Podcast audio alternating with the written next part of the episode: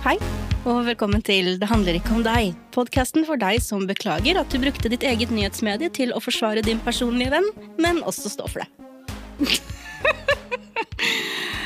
det har vært Altså, en uke. Det har, det har faktisk vært, det har vært to uker. Har det vært Ja, har det vært to uker? Har det, vært, det føles som et år. Det gjør Men det har vært litt av et år Hvis de vi skal inkludere ukene. Sofie Elise-saken, så har Eller vet ikke, har det vært under en uke? Og det føles Sophie så lenge. Elise var forrige uke, var det ikke det? Det begynte forrige søndag. Oh, ja, så det er, oh. Så det er, og i dag er det i innspillende stund, så er det mandag. Så det er altså åtte dager siden. Det, og det føles som et jævlig langt år. Og så sånn er det, var det ikke nok altså, Vi skal ikke, skal ikke gå i detalj nå, men det har bare balla på seg med diskurs den siste uka. det, det har vært helt Den, den, ekstraordinært. ja, det er en av de mest utmattende ukene i norsk media i manns minne. Ja, på sånn, for, for, på sånn diskurs for diskursens skyld-nivå. bare, bare runking. Ja, Bare ren runking. kulturkrigsrunking. Ja.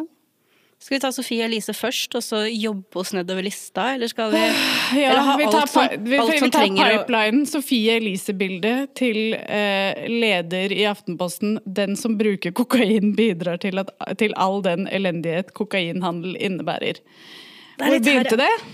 Maren, vil vil du forklare hvor det begynte? Og så får vi se om vi kommer til slutten.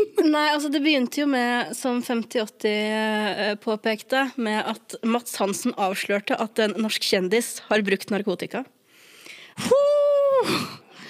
Mats Hansen, han er der ute og avdekker Han avdekker Han er der ute.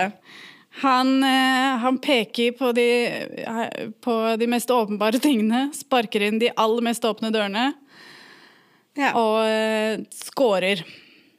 Så av Full alt, diskurs. av alt Sofie Elise har, har gjort og foretatt seg Jeg vil si sånn mer i voksen alder, da, for det er veldig mye hun har gjort tidligere hvor jeg har hatt litt slack. Jeg tror jeg har sagt det på den tidligere også, at uh, hun har stått i mye i såpass ung alder at det, det er veldig mye som jeg har ikke bare tilgitt, men forstått, og bare tenkt at det, under det presset hun har vært i, så har jeg tatt henne i forsvar, og så har hun nå blitt litt eldre og fortsetter med det samme, og jeg har gått som passe lei. Og så tenker jeg at av alt hun har gjort hele tiden, så er det det at hun poserte på et bilde sammen med Nora Haukeland, som holder i en pose med det som sannsynligvis er kokain. Det er ikke Sofie Elise som holder posen. Nei, det er, ikke, det er ikke det engang. Og det er da det som får det til å komme inn en klagestorm til NRK, som har den der dumme podkasten hennes. Det er det som får Rema 1000 til å holde tilbake lanseringen av Sofie Elise-godteriet. Candy Girl. Candy Girl.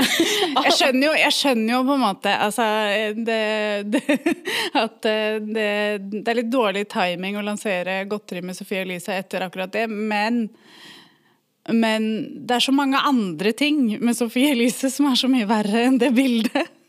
For eksempel, hvis vi skal tenke tilbake under et år, kanskje et halvt år tilbake til lanseringen av den jævla podkasten, som ble eh, promotert ved bruk av rehaboppholdet hennes, som er et sånn etisk eh, overtramp på så mange nivåer, da. Ja, Men- det er ganske, det, men- det er ganske kynisk. Men at hun sto ved siden av Nora Haukeland på det bildet, det er, det er der faktisk der eh, vi, det er der den moralske panikken slår ut i full Ja. blomst. Og vi snakker selvfølgelig da kun om Sofie Elise i den eh, sammenhengen. Ingenting om Nora Haukeland, som faktisk holder Posen, og også er influenser, og tidligere hva er det, Ex on the Et eller annet Love on the Kjæresten til lille Marius bor på. Skaugum. Ex on the beach. ja, reality-deltaker og influenser, og kjæresten til Marius Borg Høiby. Så det er vel noen som kanskje har hatt noen, noen små fing fingre i, i spillet der for å kanskje pushe det narrativet over på Sofie Elise. Jeg vil gjerne vite hva som skjer bak scenen der, om Sofie Elise egentlig er pissed på Nora Haukeland, eller hva som Tror du hun eh, kompenseres økonomisk for at hun tar støyten? Oi. Tror du det, det driver en uh, Det er veldig det er noe, det er noe veldig mystisk med at at uh, det bare Altså at Erik Stefansen må rykke ut og ta bladet fra munnen og si 'Det er Nora Haukeland det er snakk om! Hun er den andre personen på bildet'. Se og Hør gjorde vel også en greie. Ja, okay. de- ja, så klart gjorde de det. Ja, men Hvor de bare valgte å bare si at uh, vi syns det er helt på sin plass å skrive at det er Nora Haugland. Og de er egentlig veldig kongehusvennlige, så det var litt sånn Men det er veldig merkelig, for det er det er bare de, de jeg, jeg, jeg er veldig interessert i de redaksjonelle avgjørelsene og, og, og, og den eh, rojale trådtrekking i kulissene her. Ja, men Det er jo faktisk det eneste spennende med den saken her. Ja. Eh, Ingenting annet som er noe Absolutt interessant. ingenting annet. Så kommer da, som du sier, den der lederen i Aftenposten. Så Anders Magnus også var ute med den. Først Ja, jeg, du, Halvor Harsheim skrev det også. ja, det var den første. Og jeg tenker at ok, når, når Halvor Harsheim gjør det, beskriver en slags kronikk Ja, om måte, men han skriver Han er en Ja, det er sånn Han at, er en ung mannlig influ... eh, ja, Eller vi er ikke ok, også Her har du unge lenger, noen en av oss. vinkling som er greit å ha med, for all del. Liksom. Ja, det, det ja sånn men greit. også litt overdrevet. Jeg syns det er litt overdrevet å liksom være sånn å, jeg hater kokain fordi du dreper små barn i, i jungelen i Colombia. Det, altså, det er fair enough, men, men det er jo derfor vi vil ha rusreform. Ja, så jeg er litt biased, fordi at uh, av alle rusmidlene så tror jeg det er kokain jeg har flest fordommer mot. Så Og for, så sier- for, men, men det er jo Ja. men som du sier, vi er jo Eller en, er det det? Eh, La oss stoppe her. Ja, det er det jeg La oss ta Fordi en vi liten en intellektuell øvelse. Kokain, mest fordommer eh, fordi det er overklassedop, ikke sant? Fordi det er et drittdop for drittmennesker som eh, vil være enda mer dritt. Men siden vi er Men en heroin, da? Det er jo ikke så det er ikke Har du ikke de samme fordommene? Jeg, Nei, nei, jeg- men jeg har hatt disse samtalene. Altså, er, heroin er mye mer belastet enn kokain. Ja, det er det med kokain. Det brukes i større grad som bare sånn rent rekreasjonelt dop for kjipe folk. Eh, heroin Men hvis det hadde vært en liten pose med brunt pulver som Nora Haukland sto i, hva hadde du tenkt da? Kar, ikke sant? Nei, Da blir det et sånn eh, hjertesukk istedenfor en sånn der å, fy faen! Kokain! Nei, men altså, det, er jo, det er jo veldig mange gode mennesker som av diverse komplekse årsaker også havner utenfor, uh, kokain problemer. Så det, siden vi først er en, en ru, politisk rusliberal pod med lyttere som definitivt kommer til å kanskje, kanskje etter... Ja, ja. etterlyse den vinklingen, så anerkjenner jeg jo det. Men eh, nei, altså, altså, la oss være ærlige. Folk på kokain er jævlig annoying. Ja, ja, ja, nei Så når jeg må sitte ja. her og forsvare kokain, så blir jeg veldig lei meg. Ja, og jeg blir også jeg, Det er litt det samme som at jeg blir eh, Jeg blir hissig på Mats Hansen for at jeg føler at jeg må forsvare Sofie Elise. Samme. For det, jeg, har ikke, jeg har ikke noe behov for det. Eh, og ikke at, jeg synes at vi, ikke at vi sitter her og forsvarer henne med hud, nebb og klør. Hud og hår, eller nebb og klør, eller hva det heter. Eh, eh, men, men, men det er denne, altså Hele diskursen er jævlig irriterende. Og jeg tror det nådde sin høyde av eh, irriterende diskurs. Hvor mange ganger har jeg sagt diskurs siden vi begynte å ta opp nå? Uansett, det, er for sånn meg så nådde det en topp, eller et bunnpunkt, eh, da Sigrid Hvitsten eh, prøvde å sammenligne dis, denne situasjonen, denne kontroversen, med Atle Antonsen og Bernt Hulsker. Å, herregud, det hadde jeg fortrengt, faktisk. Sant? Da begynte det å koke ordentlig inni meg. Liksom. Fordi i den forstand at en arbeidsgiver skal forholde seg til noe som ikke har skjedd på jobb, ok, liksom, men det er ingenting i de situasjonene som kan sammenlignes. Mellom personlig rusbruk er- og rasistisk hets er det. Det er akkurat det. det. Det er ikke mulig å sammenligne. Og jeg blir ordentlig, ordentlig, ordentlig hissig av å tenke på de som deler den kommentaren. her sånn, Å, endelig noen som setter skapet på plass. What?! Hvilket jævla skap, liksom? Og hvem gjemmer seg inni det skapet? Jeg skjønner ingenting. Men det sier så mye om hvordan hvor ekstremt mye stigma som er rundt rusbruk. Liksom. At du i det hele tatt gjør den koblingen inni hjernen din og tenker dette er fornuftig å skrive i en kommentar i Aftenposten som jeg skal, nei, Dagbladet som jeg skal publisere. Folk kunne kanskje hatt generelt litt godt av å ikke tenke at de skal publisere meningene sine ja, jeg, når, når de har dem. jeg, jeg syns vi burde publisere mindre meninger. Mye, mye færre meninger. Um, Og så visste vi jo lite om at eh, selv om ikke, ikke, alle disse tingene har en sammenheng, at uh, den veldig irriterende Sofie Elise-saken kommer til å være et slags skudden i Sarajevo for uh, en av de verste ukene i mannens min. For ja, for det var jo bare begynnelsen, liksom. Det ja. var jo ingenting. Og vi hadde jo egentlig tenkt at nei, Det er jo nesten vi... koselig å tenke tilbake på den diskursen nå. Ja, ja. Og vi hadde liksom tenkt å ha en sånn lettbeint uh, moroepisode, for vi har ikke lyst til å være en helt sånn blodseriøst uh, frokostmøte og vannkjøler-podkast. Så er jo problemet der, for dette er jo det at jeg syns jo ting som jeg syns er morsomt, og som jeg, tulle, som jeg tuller med og får bli underholdt av å snakke om og tenke på og sånn, det er jo utrolig ofte veldig alvorlige, vanskelige ting å snakke om. det var egentlig ikke meningen at vi skulle snakke om noe i denne nei, nei. episoden. Og så fikk vi, vi altfor mange ting å snakke om i stedet. Ja, ja, så vi får se det, hvordan, hvordan dette går. Men vi har, vi har, mye Det er ikke det at jeg egentlig har så mye på hjertet, men det er bare mye vi må gjennom. Mye frustrasjon. Mye, mye innestengt frustrasjon. Vi kan, kan, begynne med sånn uh, meditasjonsøvelse hvor vi bare sånn senker skuldrene og snakker om hva som er nytt siden sist, og har den derre men, men, la meg bare, bare, bare tenk på dette, Maren. Okay. Tenk at i 2023 så vekker potensiell rusbruk, heftigere moralsk panikk enn rasisme. Er ikke det bare helt insane? Pausen min nå var jeg som gjør sånn som du sier, og, og tenker på ja, det. Tenk på det. Og jeg syns det var veldig dårlig gjort av deg å få meg til å tenke på det. Når jeg faktisk hadde fortrengt det du sa, at eh, det, det var en ting som ble skrevet i fullt alvor, eh, den sammenligningen. Og hvordan folk reagerer på det, hvor utrolig Altså Sofie Elise er så farlig nå pga. det bildet, og ikke pga. noe Alt annet. Andre. Alt det andre. ja. Og jeg syns jo altså, at diskursen om at Sofie Elise i seg selv er farlig, på en måte er veldig, veldig overdrevet. Jeg syns at det er mye som er problematisk, men det er interess mer interessant å se på henne som et produkt av vår samtid ja. enn å klandre henne for det, de kommende generasjoners problemer. Liksom. Det var jo det meningsinnlegget i en bekke vi ikke orker å nevne navnet på for mange ganger, og som sammenlignet Sofie Elise med Andrew Tate. Oh my god! Det hadde jeg fortrengt! Som er liksom Ja, han, han, sitter i fengsel for menneskehandel og innrømmer å ha begått en del voldtekter og, og sånn, men Vi har et forbildeproblem! Vi har Men Sofie Elise har, har, faktisk benyttet seg av kosmetisk kirurgi og narkotika. Jeg kom på et, et annet hint vi faktisk kunne hatt tidligere om at uh, Sofie Elise ruset seg, var at uh, hun var på, på, rehab i fjor. Så ja. um, og fy faen, for en hykler hun er, som, som, som, kan ha hatt et tilbakefall. Hun er livsfarlig. Drep henne. Ja. Finn fram giljotinen. Ja, ja. Først som sist. Nei, det er, det er, helt, det er helt sykt hvor eh, hvor lite kontroll folk har på følelsene sine. Det er helt sinnssykt.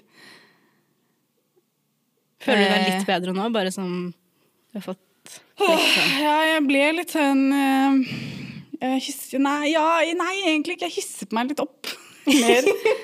Men jeg har jo eh, jeg har fått, uh, fått uh, Trenger du pusteøvelser? Ja.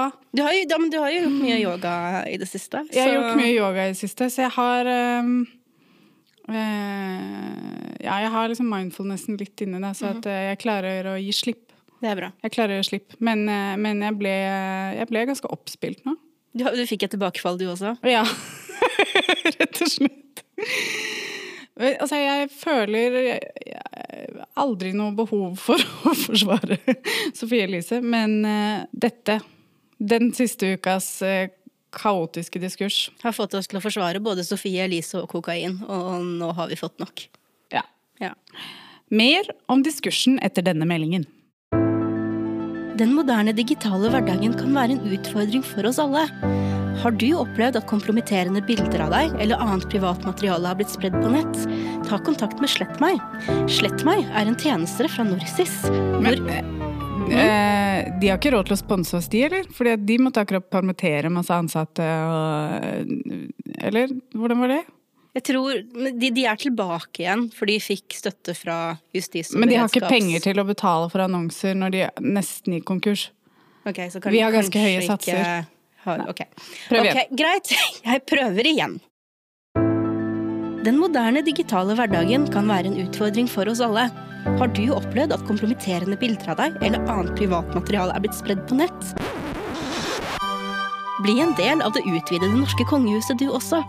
Kongehuset sørger for at ditt navn og ansikt mirakuløst forsvinner fra ubehagelige sammenhenger, og at det er andre som blir, slik det heter i utlandet, left holding the bag. Gikk nachet litt for langt? Glemte dere å tørke av glassbordet før bildene ble tatt? Ble du nevnt i flyloggene til Jeffrey Epstein? Kontakt kongehuset i dag. Single arminger så lenge lageret rekker.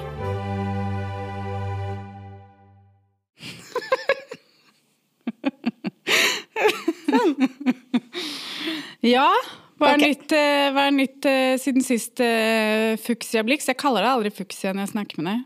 Maren Ja, heter du. du, du kan kalle meg akkurat hva du vil. Du, du kaller meg så fuksi noen ganger, og det syns jeg er veldig søtt. Mm. Fuks og fuksi, det liker fuks. jeg. Men også Fux. Maren liker han. Um, Jenta der. mi. Åh. Åh. Det bare smelter jeg utover sofaen. Mm. Så det, da blir det nesten like mye å tørke opp som da Erik Bergesen var her. Nei, uff. Nei, ok. Men fortell, fortell, hva har skjedd? Um, Hva skjer? Ok, Jeg kan begynne med det viktigste, og så jobber jeg meg liksom ned fra det viktigste til det som også har skjedd. Det viktigste er at jeg har fullført min første 101% run i Donkey Kong Country 1. Som betyr at jeg har tatt alle bonusrommene og alt mulig sånn. Det har jeg aldri gjort før. Og så har jeg kommet eh, Jeg har fullført 87 av Donkey Kong Country 2. Eh, Det er den nest viktigste, tingen som har skjedd siden sist. Så nå mangler jeg Så nå, Jo, nå mangler jeg bare det siste brettet og bossen. Og så er det The Lost World, som er et sånn bonus... eh, en Maren, bonus kan du slutte? Greit. Men jeg også OK, ok, tredjeplass. Eh, jeg har kjøpt meg rekkehus. Wow! Ja, ja, det er min første, første selveide bolig, så jeg begynner rett på rekkehuset. Sånn i stedet for å jobbe meg opp. Så jeg tenker at det er Det var nummer tre. det var nummer, altså etter Donkey Kong. Ja. Men, men også etter Donkey Kong er det en soleklar nummer tre. Det er ikke noe sånn mellom der. Altså, så, Men um, så ja, jeg føler at jeg har prioriteringene du har prioriteringene i orden. i orden. Ja, i andre økonomiske anliggender så Skal vi begynne med Espen Teigen? Uff. um, ja. Ja, hvor skal vi begynne? Nei, OK. En Så spørsmål. Er, er vi overrasket? Er Nei. noen overrasket over dette? ingen er det. Og heller ikke hans tidligere arbeidsgivere. De eh, var vel egentlig bare opptatt av at han skulle gi dem de klikkene som han gjorde, og så har de fått det, og da er det litt sånn greit å kaste ham under bussen etterpå. Ja, Um, endelig. Og, ja, ja, endelig. Altså, jeg tenker at han fortjener det. fordi det som har skjedd, er for de som ikke er oppdatert på Espen Teigen-nytt, av en eller annen grunn, um, så kom det først frem at han får en ganske enorm skattesmell av Vent, eh, da, eh, kjapp bare. Okay. Espen Teigen, eh, tidligere Veskehund for Sylvi Listhaug. Veskehund for Sylvi Listhaug. Eh, og eh, Nettavisen-journalist Ja. av og på eh, i eh, to perioder. Begynte på nytt igjen i april i fjor. Ja, fikk altså eh, internprisene. Var det, Da var årets nykommer, årets journalist. Årets medarbeider. Årets grensesprengende. Ja, det var det. Ja. ja altså, Eh, var det mer? Var det mer? Vent, da. Har Nei, jeg tror det var de fire. ja. Så, så, så ja, han først, fikk først da denne skattespellen pga. pendlerbolig. Så kom det frem at han har lånt penger av tobakkslobbyister mens han jobbet i Frp, og Frp drev Det, men det kom ikke frem først. Det Nei, første først- som kom frem, var at han har lånt penger Av av, der, ja, av kilder. Eh, og har, spesifikt han ene i den organisasjonen som heter Rettferd. Rettferd for taperne. Er det ikke kødd at den heter det? Nei. Jeg trodde det var kødd. Ja, men det er, det er så, tenk bare de perfekte overskriftene. Det var sånn 'Rettferd for taperne', kolon, Jeg Espen Teigen i sånn. forliksrådet.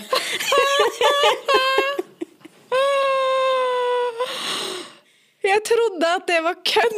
nei. Jeg trodde det var sånn rettferd, altså, jeg trodde det var sånn rettferd for menn, altså sånn Men's Rights Activist-gruppe eller noe sånt. Ok, Nei, nei, Så Espen Teigen har, Ja. Det kom fram. Espen Teigen har lånt penger av si, Sine kilder, sine kilder. Flere. Sløseriombudsmannen Ja. også. Han, han eh, meldte seg på kort tid etterpå. Og så Eh, har han også lånt penger av tobakkslobbyister mens han jobbet i Frp, og de prøvde å få en ny type snus godkjent. og han har tilbudt å skrive saker mot betaling og sagt at han skal sende faktura på 10 000 kroner for en sak. Så at, eh, vi kan jo trygt anta at, eh, at eh, det, det er sikkert mer. Og, hvis, Ja. og hvis, hvis, hvis dere lurer på hvor dere skal lete, så er det bare å finne enkelt med regnskap til enkeltmanns for for, enkeltmanns... Nei. Enkeltpersonsforetaket, enkeltpersonsforetaket til Espen Teigen. Ja. Eh, fordi han har sannsynligvis fakturert. Den kilden som han ville fakturere, er anonym, var anonym da, og takket nei. Mhm. Det ble ikke noe sak. Det ble ingen sak. Men betyr det at han ikke har fakturert for andre saker? Det vet vi ingenting om. Hvor, mange, hvor mye tror du han fakturerte Dambi Choi eh, for det intervjuet? Åh, det var nok altså, Apropos ting jeg har fortrengt. Odd Nerdrum. Hvor mye tror du? Tror du tror han lånte penger av Odd Nerdrum når han fikk komme inn de forgylte portene i hva hva er Stavern eller Larvik? Jeg husker ikke hvor det er. Et eller annet sted der borte. Tror du han bomma penger av, av nytt, nei, nytt på Nytt? seg? Eh, Tror du han lånte penger av Natt og Dag-journalistene som tok de der bildene av ham hvor han sitter på flagget med en sigar?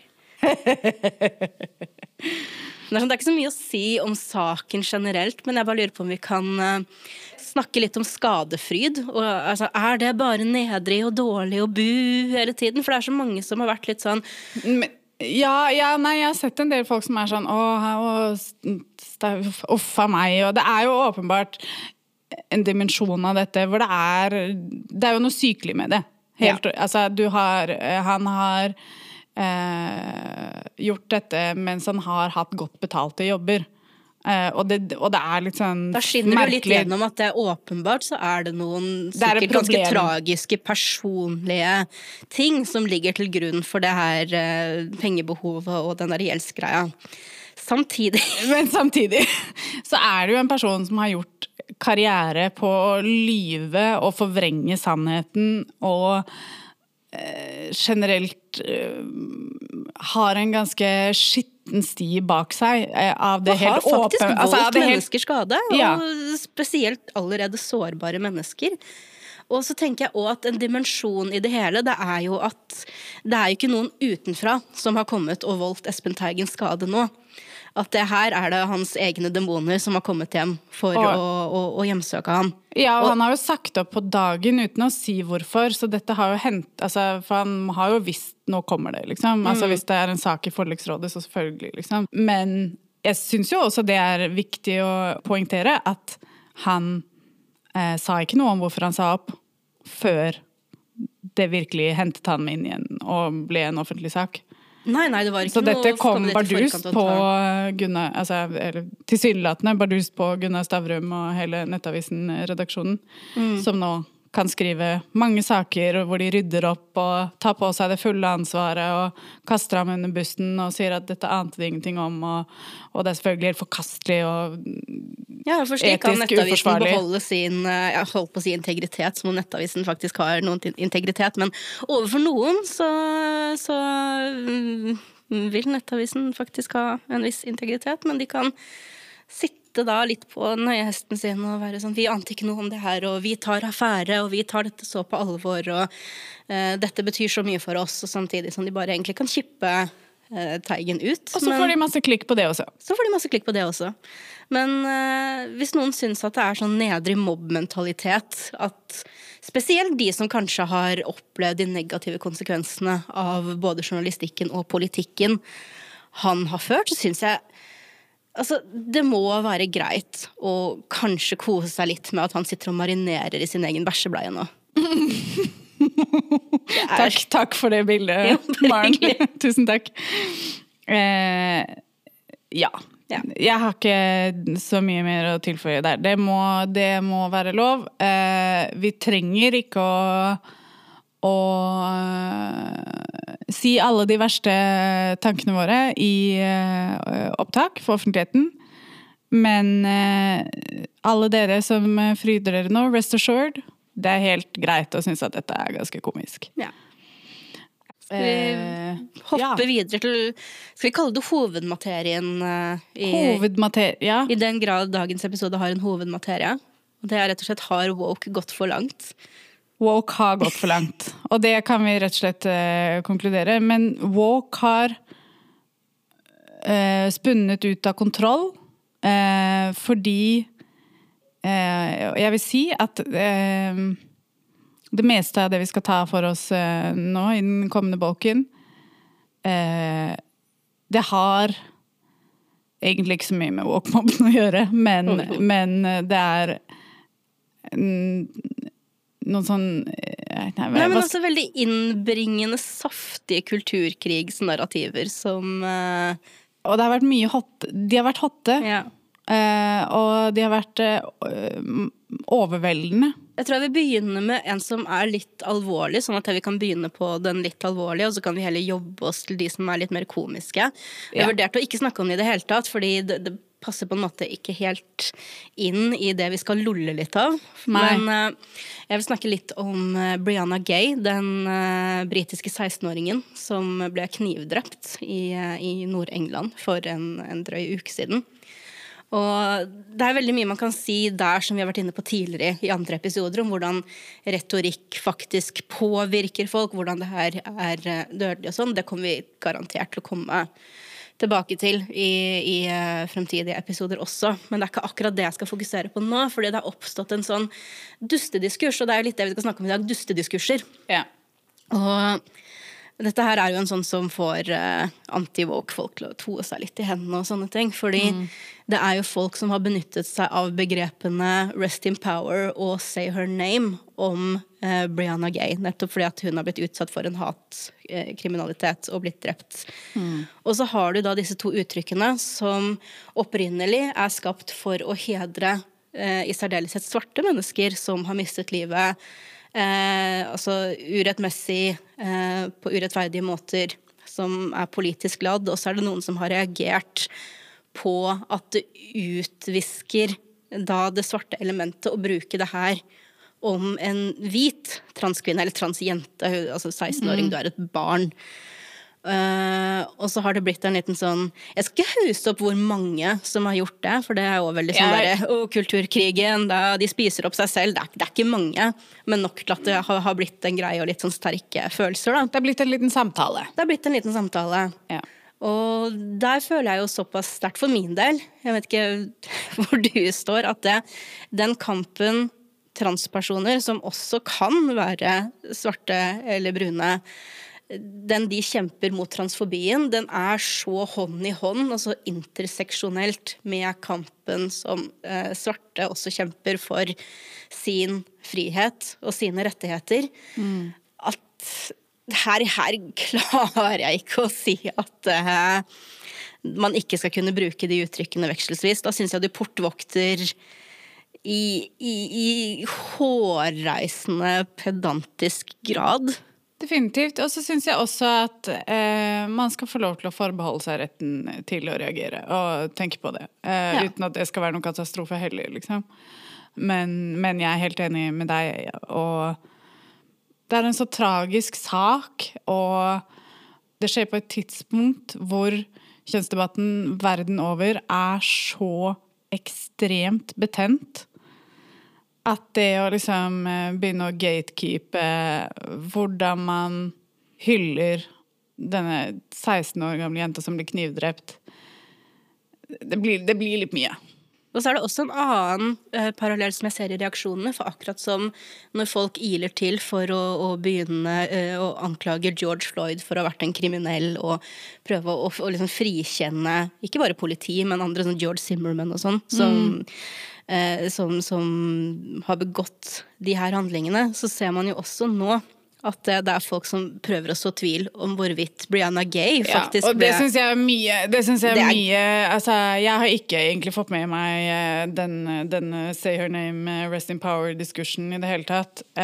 Så, og i så måte så vil jeg jo si at den er ganske liten, for vi har veldig vi har ganske sammenfallende Hva vi får med oss på internett. Mm. Sam, sammenfallende ekkokammer. Algoritmene våre er synkroniserte. Ja. Bare det å se hvordan transfobene diskuterer hvorvidt hun faktisk ble trakassert og drept fordi hun var trans, eller hvorvidt det faktisk var hatkriminalitet eh, fordi hun hadde ikke identifisert som trans så lenge, eller lenge nok for dem. Så det kan hende det Eh, bare var vanlig det- hatkriminalitet mot en homofil. Ja, og da er det jo greit. Da er det jo faktisk Eller- helt ok.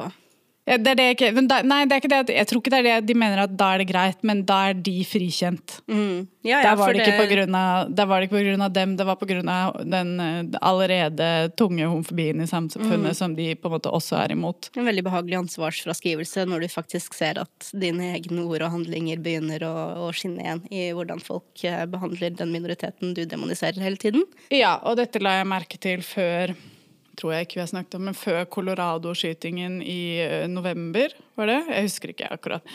Før Colorado-skytingen, samme uke, så skrev ganske sånn ekstrem transfob eh, Jennifer Bilek skrev på Twitter eh, flere ganger og retweetet andre som skrev at det er på tide at feminister bevæpner seg i kampen mot transaktivister. Eh, og, og det er ikke tull.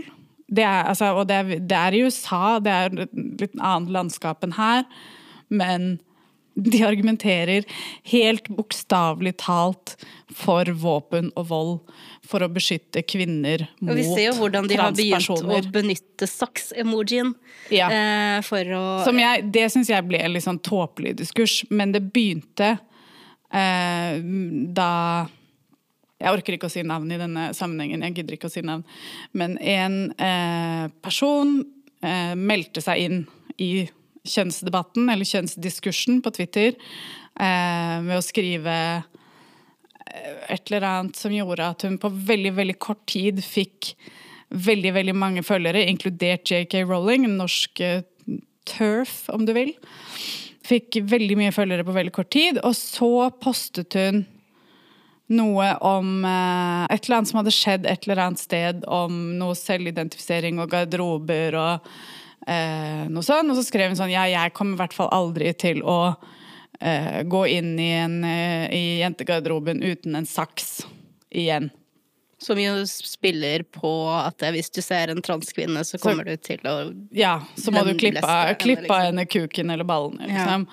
Eh, og og det, er ganske, det er en ganske sånn aggressiv diskurs. Jeg, jeg forstår på, er på en måte sånn at i sammenhengen så var nok ikke det helt bokstavelig ment, men i konteksten som det blir ytret, og sammenhengen hun ytrer seg, så forstår jeg at transkvinner blir redde. Det er ikke en direkte trussel, men Det det er er, jo en voldsoppfordring eller en, en, en voldsforherligelse. Og nå har det jo blitt vanlig da, at transfober eh, markerer Twitter-profilene sine med liksom saks i navnet etter det. Eh, og så eh, svarte på en måte transaktivistene med jeg vil ikke si at jeg, jeg føler at det er feil å si, beskrive det som transaktivister, men i mangel av bedre ord. De svarte med å, å ha en stein. Ikke sant? For Stein, stein saks, papir. Stein slår saks. Eh, men det var også en sånn diskurs som bare som er helt unødvendig. Altså hele, hele diskursen var Mer en helt- distraksjon enn noe Vel, ikke sant. Helt, helt uh, unødvendig diskurs. Og, uh, men som også får Som tar veldig mye fokus og energi. Uh, som jeg, jeg blir liksom Jeg blir Jeg forstår at det skjer, men jeg blir også litt sånn utmattet og oppgitt av å observere det. Fordi er alt er helt unødvendig. Men at det blir så stort Det ble ved at noen skriver ting skriftlig, og at noen får reagere, så blir altså ting blir helt Det blir så kaotisk. Men, men nå, nå, nå sporet jeg langt da fra å bli en gay her, men, men poenget var nå bare uansett at det er veldig mye voldelig retorikk blant transfober, antitransaktivitet, til og med anti-woke. Og det er ganske alvorlig, og det er ekkelt. Og, og allikevel så sitter de og er sånn Å, nei, men kanskje det var fordi de tenkte at hun fortsatt var den homofile gutten. Kanskje det var derfor hun ble drept. Ja, og da, vi har ikke noe med dette å gjøre. Dette er ikke Ja. Men vi kan jo, vi kan jo bruke det med, med diskurser som blir en, en distraksjon fra de faktiske issuesene, som en inngang til Hogwarts legacy, for eksempel. Ja, for det er også bare en sånn helt sånn unødvendig stor samtale, liksom. For det nå eh, Altså bare det at vi bruker så mye spalteplass på rolling i seg selv, er et problem for, denne, for kjønnsdebatten. Eh, men også den Hogwarts legacy-diskursen som har liksom pågått siden nyttår. For da, da skrev spillkritiker Rune Fjell Olsen en Twitter-tråd hvor han beskrev sine kompliserte følelser rundt eh, rolling og det å potensielt skulle anmelde dette spillet, men han understreket også at dersom NRK ber meg om å gjøre det, så kommer jeg til å gjøre det. Og han, nå, for, nå for ti dager siden så anmeldte han det spillet veldig positive ordelag. Veldig òg! Veldig overveldende men, positive. Men det blir liksom Fokuset blir på en måte på bare det at noen det, det å si at du ikke vil eh, At du har kompliserte følelser om det spillet, kanskje ikke har lyst til å kjøpe det, eller at du ikke har lyst til å omtale det. Um, det folk reagerer så sterkt på det, men det er jo egentlig bare personlig valg. Ja, ja, det er akkurat som at eh, hvis du er, altså Enten du er transperson selv eller ikke, og du sier at eh, du velger å tolke det at noen kjøper eller spiller det spillet her som en implisitt støtte til transhober, at du ikke ser vedkommende som en alliert, det er ditt personlige valg som er 100 gyldig. Og så blir det da en sånn oppstandelse, fordi hvordan kan folk våge å prøve å begrense eh, demokratiet og ytringsfriheten på den måten ved å velge å Ja. ikke spille et spill og ikke se på folk som spiller det spillet som Ja, og hvordan våger de å bare vedta at rolling er transfobisk? Ja, for det For det, det hun, hun sier jo også selv det at hun ikke er det, og da må vi nesten høre på det. Ja, Jeg så og- Kjetil Rollene skrive at eh, hun ikke er det, så da regner jeg med at uh... Jeg syns jo det er liksom ganske komisk, for det vitner liksom om dårlig forståelse av hva transfobi er. Men også bare av Jeg jeg vet ikke, jeg er lei av å si intellektuell latskap, men når du er en så skeptisk debattant, da, og allikevel velger å ta Rowling så bokstavelig på ordet, og ikke på, en måte på noe vis kan falle deg inn at Rowling kanskje ikke er en helt pålitelig forteller. At hun har en grunn til å legge fram sin forklaring eh, av det andre tolker som transfobisk, som hun gjør. Eller bortforklaring, som noe Bort, som ja, bortforklaring ville Ja. jeg kalt det. For det er Ja, ja. Og alle, alle menneskene hun yter støtte til, som, som er ikke bare de radikalfeministene som er transfobe, men også folk på ytre høyre, abortmotstandere, eh, kvinnefiendtlige aktører sånn generelt. At eh, Det er ehm, noe fint i å ville, ville stole på folk og ta folk på ordet, men, men hvem du stoler på, eh, og, og hvem du tror på, og hvem du er villig til å høre på, det forteller jo også noe om deg og dine holdninger. det snakka vi jo Eh, ganske, ganske grundig om forrige uke med Mohammed Abdi, da vi snakket om eh, Frank Rossavik sin bok også. eh, snakket med en kompis av meg for eh, en liten stund siden om eh, da Espen Ester eh, mistet autorisasjonen.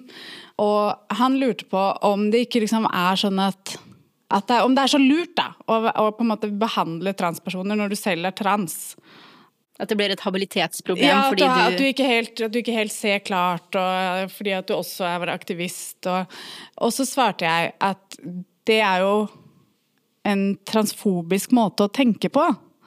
Og da steiler han jo litt, for det er jo vanskelig å ta inn over seg sånn ja, for Du er tenker bare ja, men jeg hater jo ikke transpersoner. Nei, Dette nei, bare, det må da være lov å stille spørsmål. Det er liksom brutalt å høre.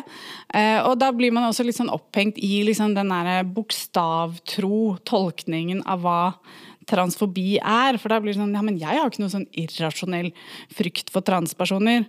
Men det er jo ikke det som er poenget. Poenget er jo at transpersoner er en liten minoritet. 0,51% av verdens befolkning. Sannsynligvis mer, men den statistikken vi har, er noe mellom 0,5 og 2 tror jeg det er. Det er litt forskjellig hva folk sier.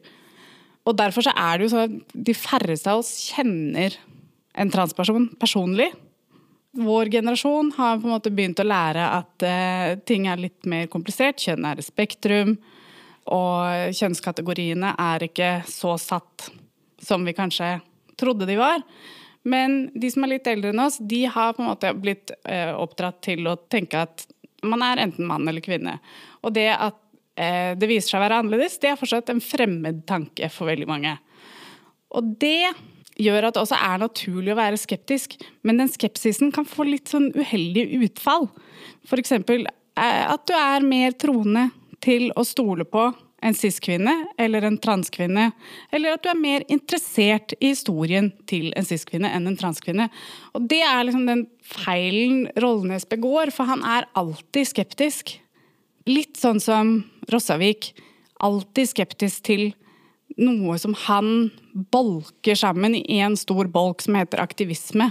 Og alt som faller inn under den bolken, det tror han ikke på. Hvor begynte jeg? nei, nei, men Da kommer man jo tilbake til, til det kompisen din også lurte på med, med, Espen Ester. fordi han vil jo da øh, nesten på automatikk tenke at eh, Espen Ester, som er en av verdens ledende på eh, det fagområdet her, mm -hmm. at hen ikke vil kunne forholde seg profesjonelt til en, en, en transpasient. Mm -hmm. At det er en eller annen automatikk i det. Samtidig som at du ville ikke satt det spørsmålstegnet ved en kreftsyk lege som behandlet en kreftsyk pasient. Nei. Eksempelvis. Nei. Så, så Nei. man har den uh... Disse tingene er Det er ganske enkelt å reflektere over. Hvem tror du på, og hvorfor? Jeg har tenkt mye at det er sånn, sånn, disse samtalene som vi har, som faller veldig naturlig for oss, og som vi er veldig interessert i, at de er veldig krevende intellektuelle øvelser. Men hvis du koker det ned til det spørsmålet Hvem tror du på, og hvorfor? Bare og sitt litt med det. Bare tenk litt på det, liksom tviler på at eh, via vår podkast så kommer det spørsmålet til å nå ut til massene. Men, men, men, men, kanskje noen av de som hører på oss, kan bruke det i situasjoner hvor de støter på utfordrende samtaler om rasisme eller transfobi. Prøv å få din uh, semirasistiske morfar eller svigemor, tante eller, eller svigermor eller bror til å bare tenke litt på det.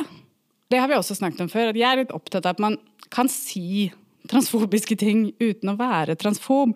Der er det ikke alle som vil være enige med meg. Men det viktige da er jo at når, det, når noen påpeker det og sier Nja, er ikke det Det er jo litt transfobisk måte å tenke på. At du da ikke reagerer med liksom ryggmargsrefleksen som er sånn Å, nei, øh, nei.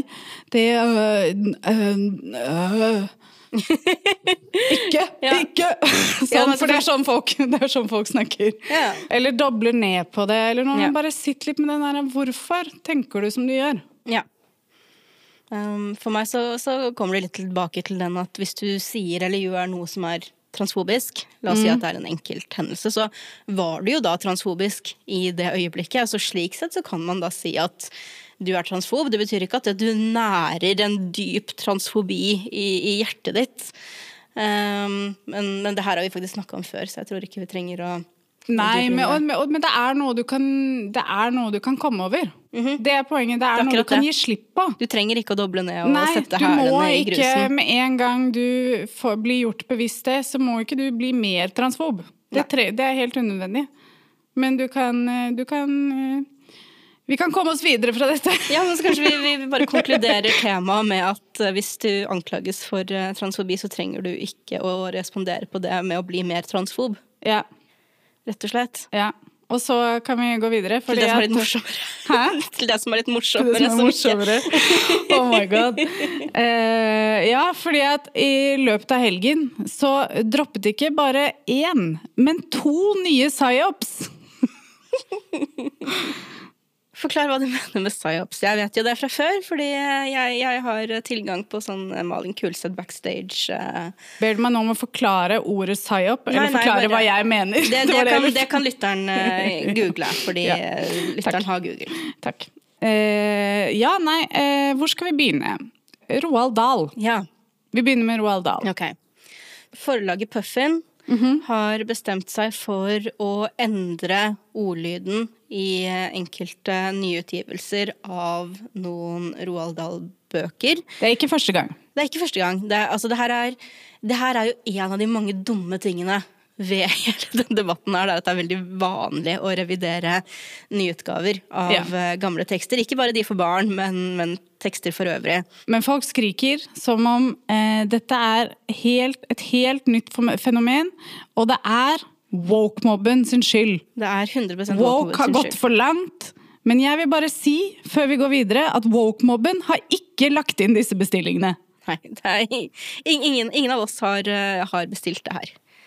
Dette er ikke vårt ansvar. Og det er snakk om endringer som at eh, de har fjerna stygg noen steder, de har gjort om tjukk til enorm, og så er det noe med heksene hvor eh, Altså hekser i Roald Dahls univers, de bruker parykk, for de er egentlig skalla. Og så har de liksom sneket inn noen greier om at det er også mange kvinner som bruker parykk av helt eh, Andre grunner? Helt andre grunner, Ja, og det ja, er altså, ok. Eh, og altså, altså Anders Heger, som jo er forlegger, han, han brukte Dr. Dyrego som et konkret eksempel, som kom i en revidert eh, versjon i 1960, hvor det var noen helt hårreisende rasistiske skildringer. For dette var en barnebok, og du vil ikke ha med det. Og jeg tenker også på når det gjelder eh, at Pippi Langstrømpes far fikk den nye tittelen Sydhavskonge, for da har du et veldig konkret ord som Ja. du ikke er så veldig keen på at Nei. eh, barn skal, eh, skal ta med seg og bruke i, i hverdagen. Men når det gjelder sånne der, skildringer av noen som stygg, jeg tror ikke det er å ødelegge hvordan barn forholder seg til medmennesker, at det de kan lese noe sånt noe i en gammel barnebok. Det var vel det jeg så Kristoffer Pale var på var det Kveldsnytt og snakket om det samme, og at Å, herregud! Unnskyld. Det er flott at han var der og snakket om det, men jeg blir provosert av at han måtte det. Ja, jeg vet det. Herregud. Men, men at det er litt sånn undervurdere barn å gå på et sånn detaljnivå. Den mest corny endringen det er eh, at de, de har byttet ut Rudyard Kipling med favorittforfatteren til prins Harry, John Steinbeck. Ja, og, og Emily Bronte. Eller Charlotte Bronte. Eh, Ja. en, en av Brontene, i alle Ja. fall. At, uh, fordi Rudyard Kipling mm, Shady. Mathilde Jo. skal ikke lese Rudyard Kipling. Jeg bet meg merke det, fordi at uh, i boken til pr- prins Harry som akkurat kom, Spare, The Spare, eh, så forteller han at han fant eh, Jeg husker ikke hva sitatet var nå, men han fant liksom John Steinbeck, som da er hans favorittforfatter, via et sitat på fantasticquotes.com. Det er ganske Apropos uh, lite flatterende måter å omtale folk på, så jeg føler jeg at det er en del av prins Harry-law som vi alle bare må kjenne at han er litt dum. Men jeg syns det er litt interessant i seg selv også. Litt sånn dumme mennesker som har tilgang på, på mye penger og god utdanning, sånn at de har eh, skal jeg si, ja, dannet seg sånn derre skjelett av liksom tingene man skal gjøre og si. Så du sitter på fantastic quotes og tenker at nå skal jeg finne gode, gode intellektuelle sitater. Ja. Eh, Nei da, men men noe av poenget er jo altså, Jeg har ikke sett noen hylle disse endringene. Men det jeg har tenkt på, er, og som jeg har sett også, er litt sånn nøkterne innspill om at herregud, er det så farlig, egentlig? Og hvis man greier å sette seg i noen andre sko, igjen en litt vanskelig øvelse for enkelte, virker det som. Eh, men da tenker vi spesifikt på den oppvoksende generasjonen eh, barn, som er mer sensitive lesere enn oss, og som vokser opp med eh, mindre diskriminerende språk så er det kanskje ikke så dumt som det liksom kan virke hvis man bare reagerer med ryggmargsrefleks og endrer litt på hvordan man omtaler folk, og at man unngår ordet tjukk og erstatter det med enorm. Poenget er ikke at det er mindre støtende eller mer positivt, det er bare et mindre belastet ord. Jeg har sett at det er mange som loller veldig godt og føler at det er en sånn gotcha. Å si at enorm, det er jo enda en, en enda større fornærmelse. Men poenget er jo ikke at det ikke skal være fornærmende. Selv om man endrer ordlyden, skal, jo ikke, man endrer jo ikke historien eller historien om familien Gloop. Da. De skal jo fortsatt være forferdelige, grådige mennesker. Og det at man bruker enorm istedenfor tjukk, forandrer ikke på det. Men da tenker jeg også at den endringen er litt overflødig. Men det her er jo, Jo. et sånn klassisk eksempel på hvor jeg eh, vil være en forkjemper av annotasjoner. Ja. Annoter utgaven. Ha en fin liten følgetekst. Da beregnet for barn at denne boken ble skrevet på en tid da man Ja. kanskje snakket på andre måter enn man gjør nå. Akkurat som man gjør med Disney-filmer. Altså når man og har liksom- liksom noe så konkret som N-ordet, så tenker jeg at det kan du veldig fint eh, redigere ut. Men når det bare er litt sånn skildringer som er litt utdaterte, så, så, så kan du egentlig altså, Annoterte bøker, eh, annoterte Carl von Linné-benker, annoterte Christian Krogh-malerier. Men vi skal, vi skal dit etter hvert også. Jeg bare kom på en ting eh, nå. At eh, min eldste sønn, han reagerer på at Peppa Gris fatshamer pappa Gris når hun sier at han har for stor mage til å skli på en sklie. Så det er på en måte generasjon alfa. De tenker annerledes enn oss. De har er trent til det, og jeg syns ikke det er noe dumt i det. Selv om jeg blir litt sånn Når vi hadde den samtalen på tur i helgen, så ble jeg litt sånn Ja, men altså, var det, var- det sånn at han satt fast i sklia, eller liksom prøvde å liksom eh, være liksom La henne få lov til å si, si at han hadde for stor mage til å skli på sklia? Nei, nei da. Nei, han bare sklei ned, han. Det gikk helt fint. Jeg bare ok, ja, greit da. Greit, da var, da var det det hun gjorde. Ja, så det er, det er fullt mulig. Du, du, du, du, anerkjenner at det er barna tenker litt annerledes, men du trenger ikke å gjøre det ved Ja, men, men, jeg, men jeg reagerer også og stiller spørsmål. Er det sånn, hm, er det, var det det? Og så, og så hører jeg at han sier, når han forklarer resten av hva som skjedde, så er jeg sånn, ja, du har helt rett. Du har helt rett. Men til syvende og sist er jeg aller mest enig med, med Philip Pullman, altså forfatteren av, av eh, fantastiske His Dark Materials, som sier at eh, når det gjelder sånne ting, så syns han at eh, Roald Dahl-bøkene kan, eh, kan stå som de er, men at det vi bare i større grad bør fase ut de her gamle bøkene da, til fordel for de veldig mange helt fantastiske samtidsforfatterne vi har for barn, som ikke får plass noe sted, fordi vi tviholder på Roald Dahl og Ja. på, eh, på JK Rowling. På vår kanon. På, ja, på vår, Vår kanon. kanon. og vår kanon. Apropos vår kanon, liksom. Yes, la For vi skal, for det er jo psyop nummer to, Ja. Christian Krog. Det her må være bestillingsverker fra anti-woke-bevegelsen.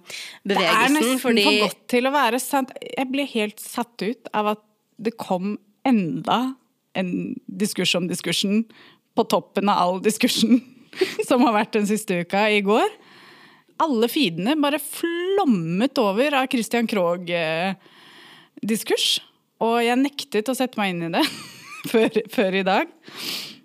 Jeg husker nesten ikke hva som skjedde. Kan vi bare begynne? Hvor, hvor begynte dette? Nei, altså, det begynte egentlig for ganske lenge siden. Eh, ikke diskursen, men, men saken begynte for ganske lenge siden. Da Nasjonalmuseet bestemte seg for å fjerne et eh, maleri av eh, Christian Krogh fra eh, Det er vel permanentutstillingen. For det her har i det gamle Nasjonalgalleriet. Har hengt i trappeoppgangen, vært veldig sånn tidlig uh, synlig.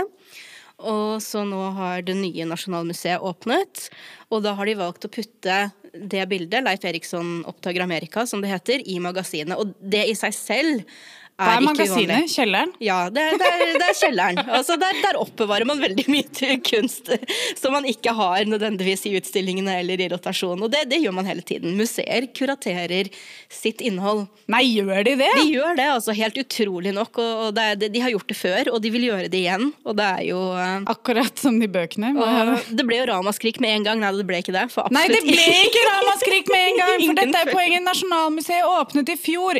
Ingen har snakket om det! Nei, og så ble det en liten sak da i Aftenposten i, i helga, hvor, eh, hvor eh, Stina Høgquist eh, ved Nasjonalmuseet omtalte det maleriet her som kolonialistisk. Og det er jo det, det er jo da, da, da spruter du en god del tennvæske på eh, bålet med en gang, fordi at da Det er et tryggende ord for oh, ja. de reaksjonære. Og de blir så hårsåre, og de får så vondt. Og, og det, det trigger eh, For det, det, det som før, før jeg egentlig satte meg sånn overfladisk inn i saken, så ble jeg sjokkert over å se at selv fornuftige, eh, relativt fornuftige folk som eh, eksempelvis eh, Eivind Trædal, som, har, som vi prøvde å kansellere da han var gjest hos oss eh, for noen måneder siden, eh, også påkaller den derre oh, woke. Oh, wow, wow. Her er det noe woke, det er noe galt med woke av dette. Mens egentlig så er det bare det at hun har brukt ordet kolonialistisk uten å begrunne det godt. Fordi at det er helt fint Hun kunne forklart hva hun mente med det.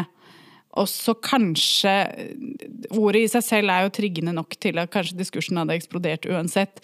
Men, men, jeg tror noe ligger i det at hun bare sier, ord, hun bare sier ja, altså ordet kolonialistisk. Sånn, det kan ja. jo hende at eh, Stina Høgquist utbroderte ja, ganske mye, absolutt. og at Aftenposten bare valgte å skrive at eh, hva var det hun sa, at eh, maleriet var kolonialistisk og romantiserer nordmenn som dro til Amerika. Fordi Høgquist har jo, eller Nasjonalmuseet eh, generelt, har jo nå hatt et ønske om å kanskje fremme litt andre kunstnere enn de som hele tiden har vært representert i, i kanoen. Da. Kvinnelige kunstnere, samiske kunstnere, urfolkkunstnere generelt.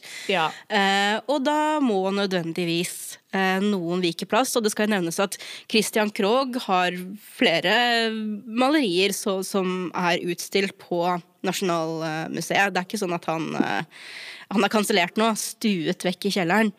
Det er bare det at akkurat det her ble valgt vekk, da. Og så blir det veldig betent, for da, da eh, reagerer folk ved å tenke at å ja, fordi nå er vi woke, så nå var det kolonialistisk. Nå skal vi slette hele den norske historien. Ja, det er Fra... det vi gjør nå. Nå sensureres Norgeshistorien er slettet. Hele historien. Nå har vi, vi har et sånn blankt lerret igjen, og det skal vi fylle med minoritetskunstnere.